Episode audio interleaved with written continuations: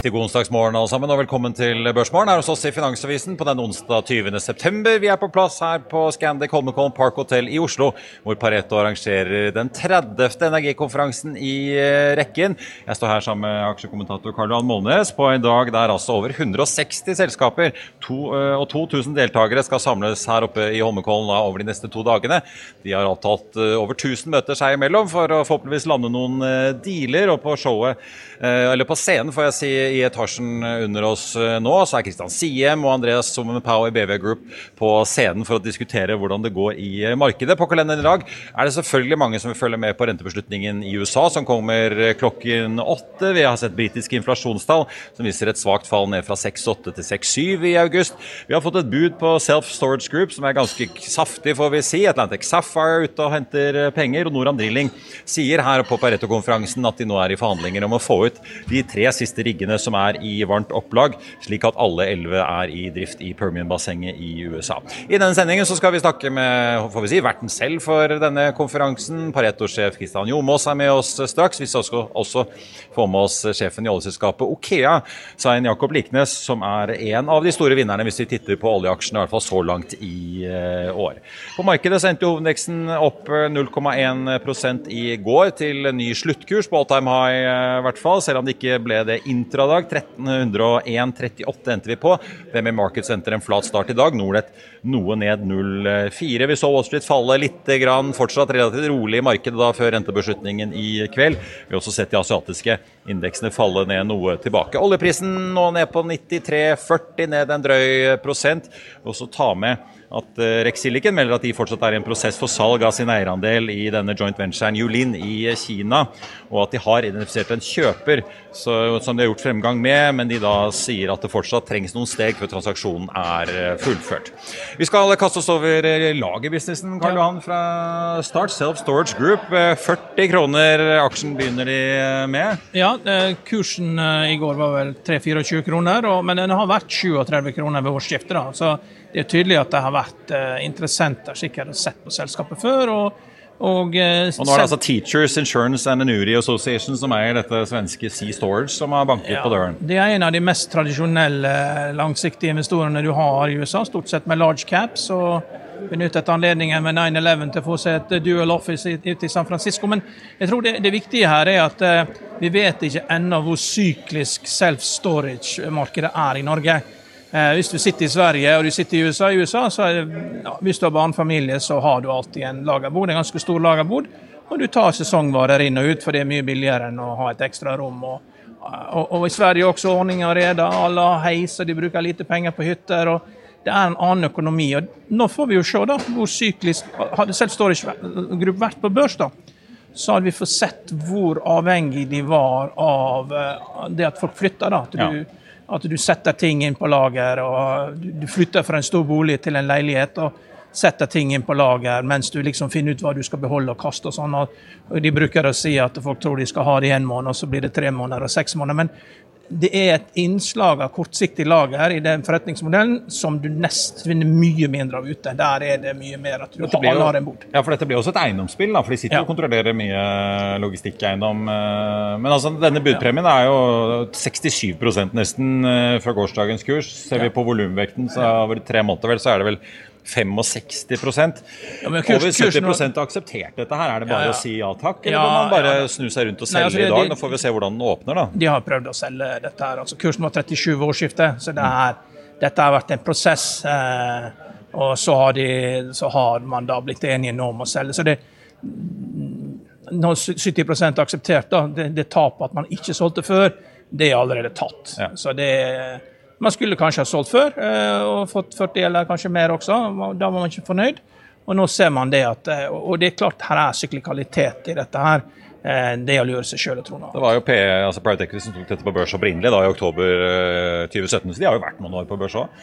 Ja, ja, men det er et veldig solid selskap, veldig godt drevet. og Vi hadde jo vel Bengt Jonassen fra ABG inn og gikk gjennom tallene for oss i en børsmåned, og det, tallene er veldig gode. så det ja det er godt drevet, men det er før du får syklikaliteten som kommer inn nå. Den, den vil vi jo forbli ukjent. da.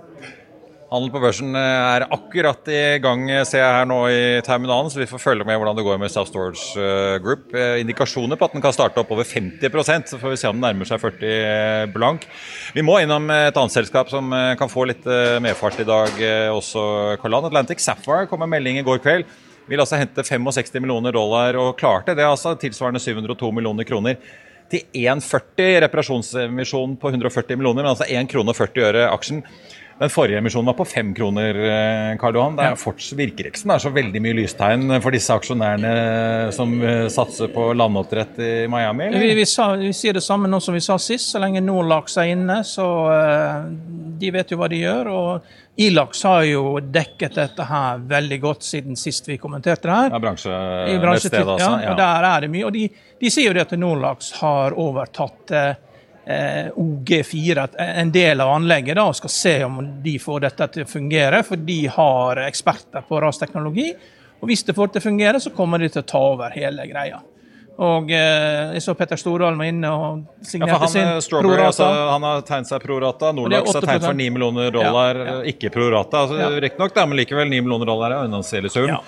8,3% på Stordalen, ja. ja.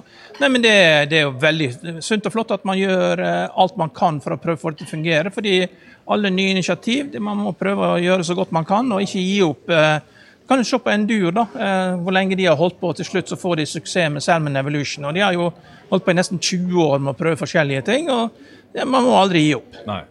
Også interessant å merke seg at DNB kommer det frem i meldingen, har gitt dem da unntak fra lånekrav om å minst 15 millioner dollar i, i minste likviditet. De beholder EBTA-kravene, og DNB slipper også ut 10 millioner dollar til i, i lån da, på den eh, lånerammen de har, hvis de da skulle klare å hente minst 60 millioner dollar. og Det ser det ut som de da har klart. Ja. Nei, vi, Så DNB er jo også med her, da. Ja, ja vi, vi, får se nå. Nå, eh, nå får vi se. Eh, Nordlaks, det, dette her er det beste. Det er fagfolk som styrer med dette. her. Det er ikke bare finansielle investorer som uh, skal ha seg en tur til Miami og danse på bordene på Mangos. Liksom. Det, er, det, er, ikke det dette handler om nå. Nå er det folk som vet hva de holder på med, som har tatt over. Men det Aksjen tanket jo i går ned nesten 13% til 1,74. Nå ser det ut til at vi starter ned ja, litt 4-5 ned til 1,67. Ja, det, Har noen luktet lunta her i forkant, eller? Nei, men, men uh, hvis Vi skriver jo at de har vært med noe wallcrossing for å sondere terreng hos noen investorer, men kan det ha lekket ut når aksjen faller så mye dagen før? Nei, Det vet jeg ikke. Er, eh, nå, nå, er det, nå, er det, store bevegelser når det kommer så langt ned. og det er klart Når da Nordlaks kommer inn, hvis de skal ta over, så er det spørsmål liksom, til hvilke terms, liksom. Ja. Uh, vi skal ta over hele. Så det, det er jo ikke sikkert det blir så veldig sjenerøst heller, da, men for det må jo hentes inn mer penger hele tiden.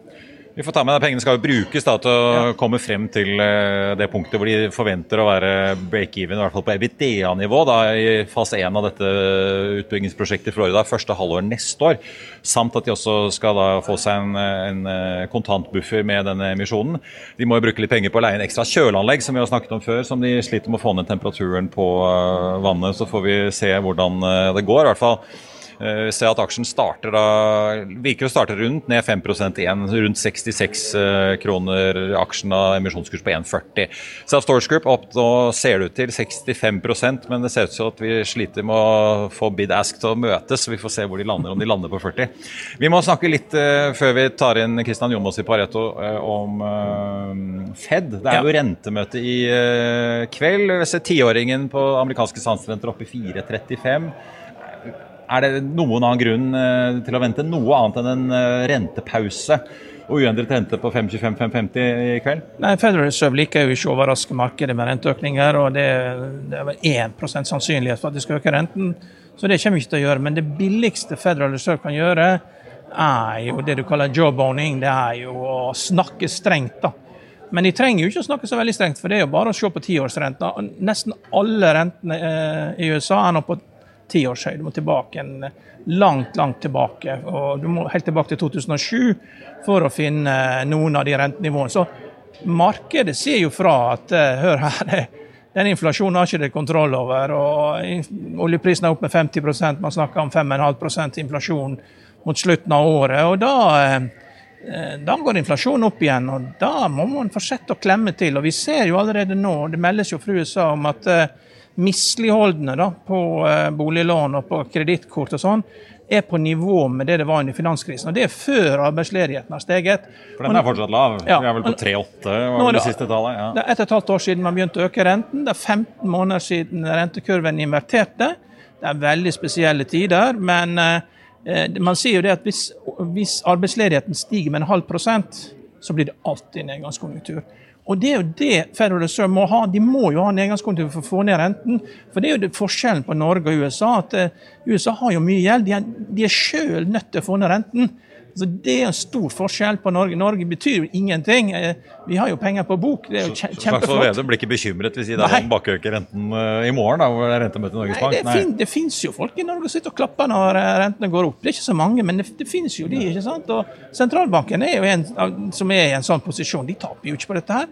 Og, og Norge taper jo ikke så veldig på det, uten at det, men det får jo utslag på på, på aksjeporteføljen. For du, du, kan ikke ha den situasjonen her der rentene driver og durer og går oppover, og at eh, aksjemarkedet er upåvirket. Så jeg tror man må være veldig forsiktig med hva man ønsker seg nå. Altså, fordi du får ikke noe rentefall her før du får nedgangskonjunktur, og nedgangskonjunktur gir alltid kraftige børsfall. Så kommer det, vi får bare ta med det før vi runder av her, det kommer jo full dot-plott, eller altså en renteprognose ja. fra sentralbanken nå, så vi får jo en en ny følelse på hva de medlemmene av rentekomiteen ja. uh, ser for seg skal skje. nå. Ja, Men det er bare Jerome som bestemmer, det er han som bestemmer, og det er hans dot som teller. Hans dot som teller. Det er kloke ord å avslutte på. Vi får se klokken åtte i kveld, Korlan. Du er jo tilbake her i morgen med ja. Børsmorgen på dag to av Pareto. Vi skal ta inn eh, sjefen eh, selv. Vi Kristian Jomås er tilbake rett etter dette. Mitt forhold til bil det er veldig følelsesmessig. Nå merker jeg at du begynner å bli bærekraft, bærekraft, bærekraft, bærekraft, bærekraft. Hva er siste pris? Da blir folk dritirritert. Og selv om det er åpenbart at der finnes tre kategorier De som vet alt og ikke trenger lese noe som helst. De som ikke vil sette seg inn i ting og de som lærer livet ut! PS. Ligger en lignende til salgs i Europa. Rød og altså standardfarge, som er priset ca. lik med denne. Gunnar, det er ikke noen som vet hva bærekraft er! Mer om bærekraft. Mer, sier jeg. Mer! Da står jeg her på Paretos eh, energikonferanse på Scandic Holmenkollen Park med får jeg si, verten selv for arrangementet. Det er onsdag, dag én. Christian Jomas, sjef i Pareto Securities.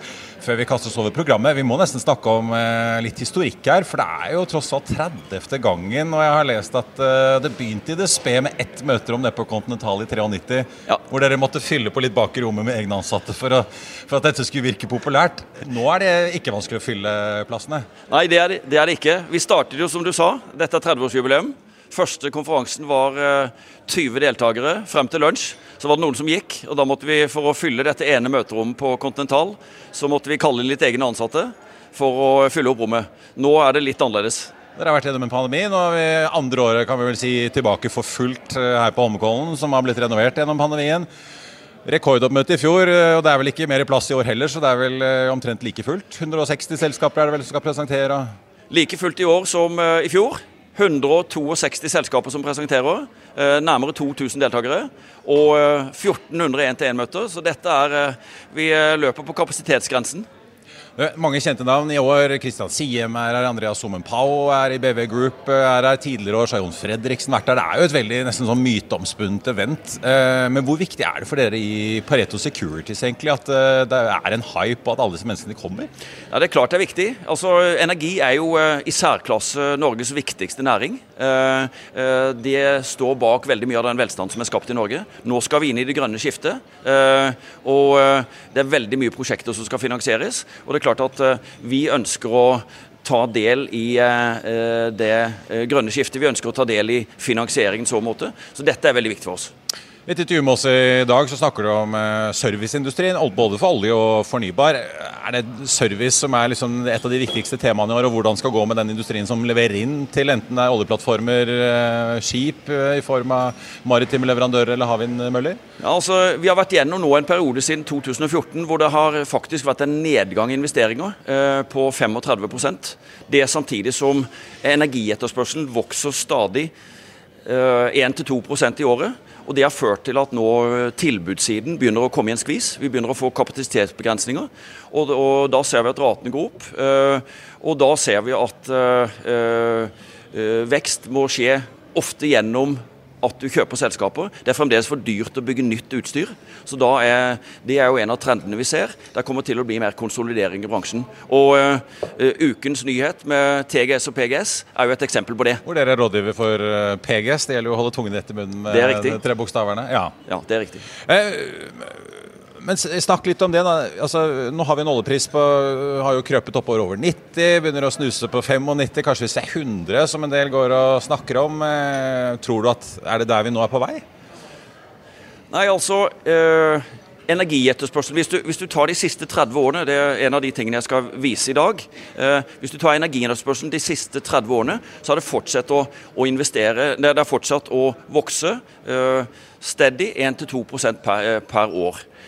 Eh, sol og vind, eh, altså fornybart, vokser mye, men ikke nok til å ta, ta høyde for at eh, også oljeetterspørselen vokser. Og i, og i den settingen så, så, kommer vi i en skvis. Og jeg tror det må investeres veldig mye mer, både i tradisjonell energi og i fornybar energi, for å møte den økende energietterspørselen.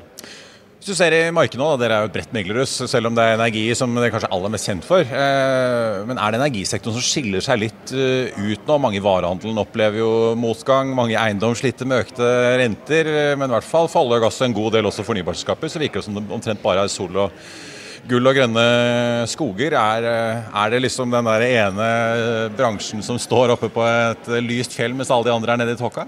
Nei, Det er ingen tvil om at energi eh, eh, leder an i kapitalmarkedet, sånn som vi ser det nå. Eh, eh preget av økende etterspørsel. Når det gjelder det bredere markedet, så eh, er det jo influert av eh, høyere renter, eh, inflasjon og mer usikkerhet. Men det er jo ikke verre da enn at Oslo Børs PT er jo nå, har jo touchet denne uken all time high. Ja. Dog riktignok pga. energi, men vi tror at også fremover så vil energi prege kapitalmarkedet. Hvordan ser aktiviteten ut for dere nå, da? En ting er jo PGS, åpenbart. Dere er jo hyret inn av mange andre selskaper. Hvordan er aktivitetsnivået nå? Vi ser jo USA, så har jo man forsøkte seg med store noteringen av ARM, dette britiske brikkeselskapet. som Noen går jo da og venter på kanskje dette er liksom tiden hvor man kan si at eh, børsnoteringsmarkedet tiner. Men hvordan ser liksom kapitalmarkedet ut nå, hvis du ser på temperaturen? Nei, jeg tror I tillegg til energi så er det jo eh, obligasjoner også som, eh, som preger markedet. Eh, eh, ettersom du har sett økende renter, eh, så påvirker jo det eh, obligasjonsmarkedet. det gjør at, For obligasjonslån som har flytende renter, så, sånn sett, så øker det returnen. og Det gjør at en del investorer nå ser til obligasjoner som et godt alternativ til egenkapital. Mm. Men vi tror også på et, eh, et, et bra eh, egenkapitalmarked. Nå får vi kanskje en renteheving i dag som kanskje er den siste. Når du begynner å se utflating av rentenivået, så tror vi også på et oppsving i det litt bredere markedet. Ja, for vi har jo sett mange altså Nå hadde vi overskridelsene på, fra Våre Energi og Equinor denne uken, men særlig innenfor fornybar så er det jo mange ting som er utsatt eller satt på vent. Ja. Innenfor da det grønne skiftet, hvis vi kan kalle det. Ja. Endrer det seg nå hvis vi kanskje da ser rentetoppen eh, fra Fed i kveld, eller i hvert fall i løpet av høsten? Ja, altså jeg tror det. Eh, det er klart at vi har sett, altså Fornybarindustrien har jo sett, de har jo vært preget av økende renter. Eh, litt sånn verdikjedeutfordringer. Og hva skal vi si for noe, økte kapitalkostnader. Hvis det nå roer seg litt ned, så er jeg helt sikker på at vi kommer til å få en, en ny på en måte boost innenfor fornybarindustrien. For det er en trend som eh, definitivt kommer til å skje. Til slutt eh, må jeg spørre deg, går du rundt og frykter en resesjon?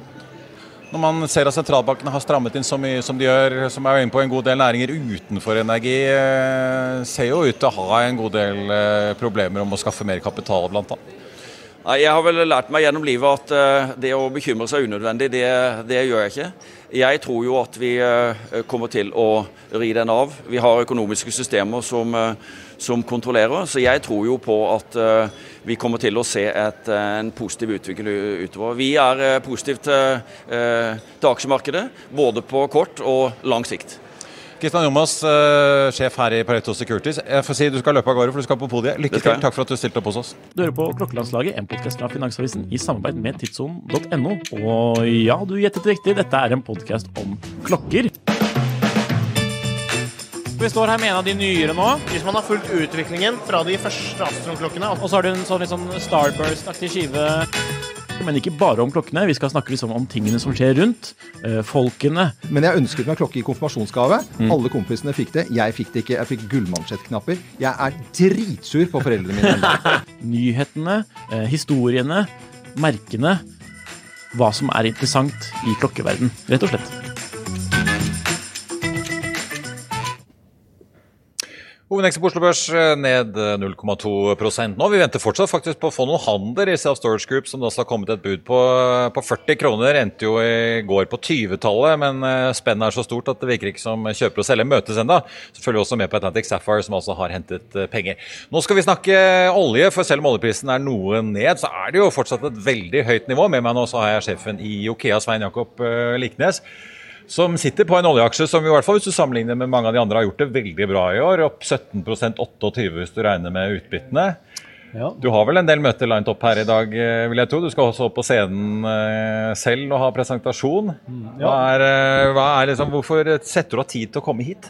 Eh, dette er liksom starten på høsten, eh, på en måte, å treffe både investorer, men noe å kunne fortelle litt om eh, Okea-historien. og Nå er jo alle, eller ganske mange er til stede her i dag, så det, vi har en del møter ja, med investorer i dag.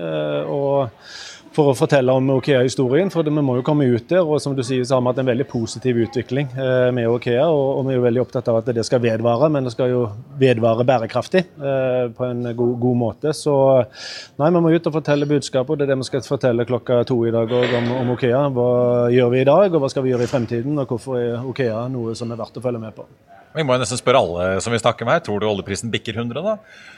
Ja, jeg er ganske sikker på at han kommer til å bikke 100, for du ga meg jo ingen tidsakse. Men jeg kommer nok til å gjøre det på et eller annet tidspunkt. Eh, Men eh, som før da, så er det viktigste at det er, eh, det er et tegn på at det er en eh, balansen mellom eh, tilbud og etterspørsel. Den, den er der ute, og det er mer etterspørsel etter hvert. og Dette har jo vært på en måte annonsert tidligere òg, men det er ingen som tør helt å gamble på det. og Er det noe vi er dårlige på, så er det jo tippoljepris.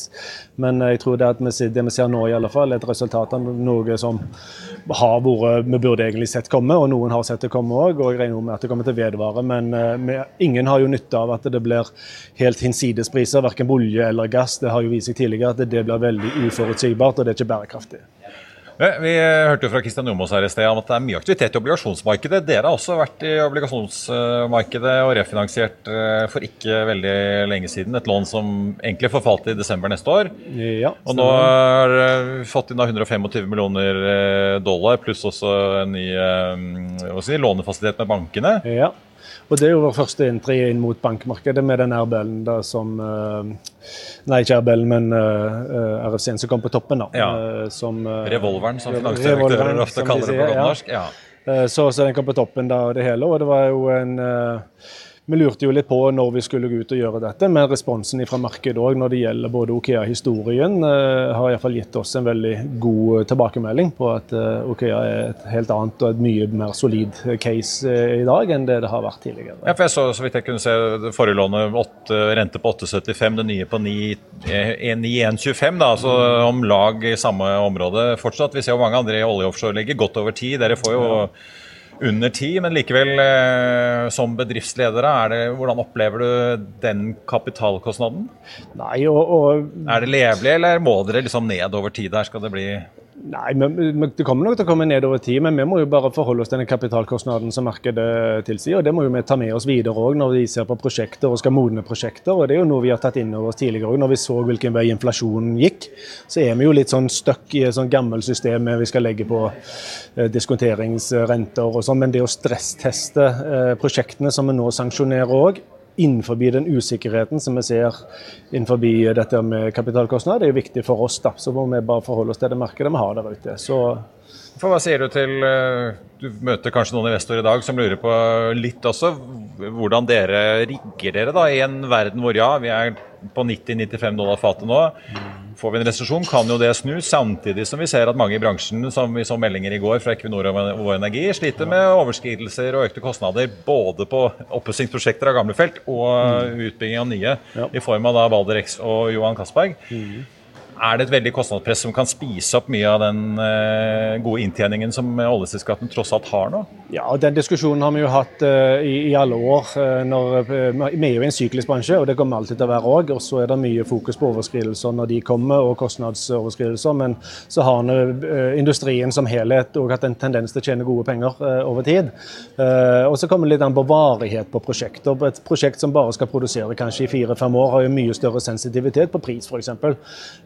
så dette her er jo noe som hvert prosjekt må se på. Men det at vi òg stresstester prosjektene våre før sanksjonering. Ikke nødvendigvis bare på det finansielle, men også på kvalitet. At du klarer å levere på dette. her. Det tror jeg er ekstra viktig nå før du liksom tar en commitment. Men vi må jo òg fortsette å investere på norsk kontinentalsokkel hvis vi skal ha den industrien her videre. Ja, for jeg skal komme til Statfjord, som jo er en ganske vi kan kalle det en langsiktig satsing eh, ja. for dere. Som dere snart skal eh, gjennomføre den transaksjonen. Men eh, la oss snakke litt om Bragefeltet. 30 år eh, feirer man vel nå, er det neste uke eller senere denne uken.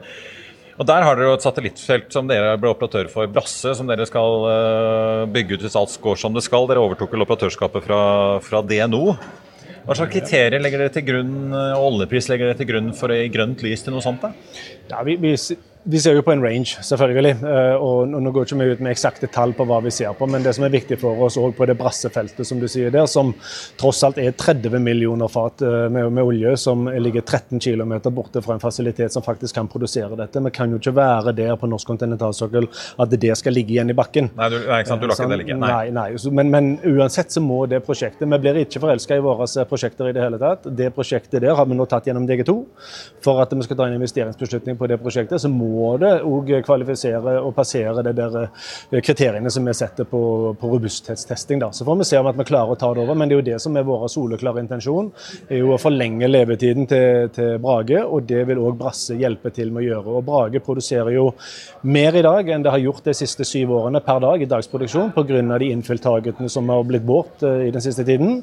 Så nå ligger Brage på en 17 000-18 000 gross i, i døgnet, sammenlignet med 6000-7000 som det var når vi overtok feltet. Da. Så som du sier, vi skal feire 30 år eh, nå på lørdag, faktisk. 30 eh, år siden fra brønn A02 eh, klokken 11.30 så starta Brage produksjon. Og skal du være best på mid to late life asset, så må du bli best på å feire at de faktisk passerer 30 år òg. Det skal vi gjøre. Du får hilse, hilse, ut. Men apropos det, da. Nå har vi jo sett Balder og Castberg, som er to eksisterende prosjekter ja. begynne å slite litt. Vi, og så kommer det nå et tog av prosjekter som det ble sendt eh, utbyggingsplaner for og sanksjonert uh, under oljeskattepakken. Yggdrasil, mange mindre prosjekter. Mm. Når dere nå sitter og skal vurdere Brasse, da, er det kapasitet i leverandørindustrien til å gjennomføre noe sånt nå? Eller er, er veldig mye tatt, for å si det litt enkelt? Et av de viktige spørsmålene i akkurat det du stiller spørsmål om der, er, er hva er kapasiteten, hva er muligheten for å kunne, faktisk kunne levere på dette her. Uh, og det er jo noe som er en utfordring. Uh, når det gjelder overskridelser eller når det gjelder ekstrakostnader i forbindelse med de prosjektene du sier, så vet jeg ikke hvor mye som er scope og hvor mye som er at det er en økt kapitalkost. Det, det vet jeg ikke. Men når det gjelder dette her med antall folk og hvor mange er det som klarer å levere på disse prosjektene i årene som kommer, det tror jeg kommer til å være en skikkelig flaskehals. Men der har òg industrien og vi som olje- og gasselskaper blitt mye bedre med å jobbe tettere sammen, både gjennom allianser og være litt mer åpne på dette er en ressurs som vi må dele på. Eh, og Derfor syns jeg at det samspillet mellom partene er mye bedre i dag enn det kanskje var for ti år siden, med å faktisk få utnytte den leverandørmarkedet til det beste. da. Det blir en interessant syretest i årene som kommer, i hvert fall. Definitivt så kommer det til å, bli det, og du vil jo sikkert ha en kostnadsinflasjon uh, rundt, akkurat den saken der òg. Men vi har vært igjennom de fasene der en, gang, en del ganger tidligere òg, så jeg tror vi skal klare denne gangen òg. La oss uh, runde av med å snakke om Statfjord. Uh, dere annonserte jo at dere kjøper dere inn i denne store giganten på norsk sokkel som Equinor i hvert fall gjør alt de kan for å holde liv i og videreutvikle og opprettholde produksjonen på. Overtagelse for dere er vel nå i november? Eh, ja, vi, vi closer nå i slutten av november, mest sannsynligvis. Så closer vi uh, dealen. Men at uh, selve avtalen er jo at det gjelder fra 1.1.2023. da. Ja. ja. Dere betaler jo 2,35 milliarder. I hvert fall var det tallet som ble nevnt da dette ble annonsert. Men det var jo også en betinget del inn i dette her, litt avhengig av pris. Når vi nå ser oljeprisen er så høy som den er, må dere ut med mer, eller? Ja, da, da, betaler vi mer. Da har vi en oppsidedeling. og Er det noe vi ønsker, så er det faktisk at den oppsidedelingen blir realisert. for Det gjør en god deal til en enda bedre deal. Eh, og som vi har sagt tidligere, og vi, vi har vokst nå selskapet. Etter vi nå la ut eh, og satte kursen på en ny strategi, så har vi gått fra 16 000 fat i døgnet til over 40 000 fat i døgnet uten å hente mer gjeld. Og da legger vi på sånn oppsidedeling hvis at oljeprisen går, eller gassprisen nå går veldig høyt, over en begrensa periode på et par år. Må vi dele den profiten, superprofiten, så gjør jeg det med glede.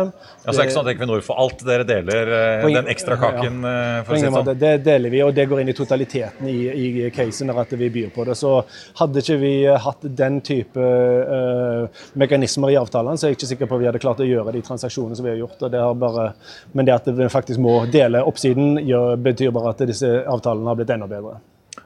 Er det, er det, mange felt og lisenser ute for salg nå? Dere har kjøpt Statfjord, eh, Vår Energi har kjøpt Neptuns norske virksomhet. Uh, er, er, det mange som er på selgeren, eller i hvert fall lukter på å gjøre transaksjoner nå?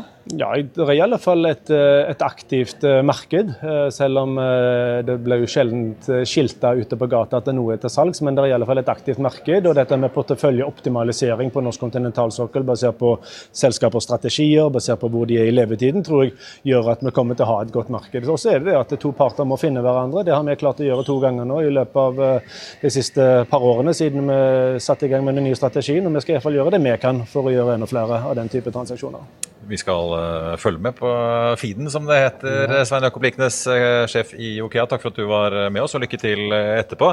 Takk. Det var børsmålen for denne onsdag 20.9. Få med deg Økonominyhetene klokken 14.30. Da får vi bl.a. med oss Tormod Høiby, som leder Investment Banking i Pareto Securities. Før den tid så får du som alltid siste nytt på fa.no. Mitt navn er Marius Sorensen. Tusen takk for følget, og så ses vi igjen snart.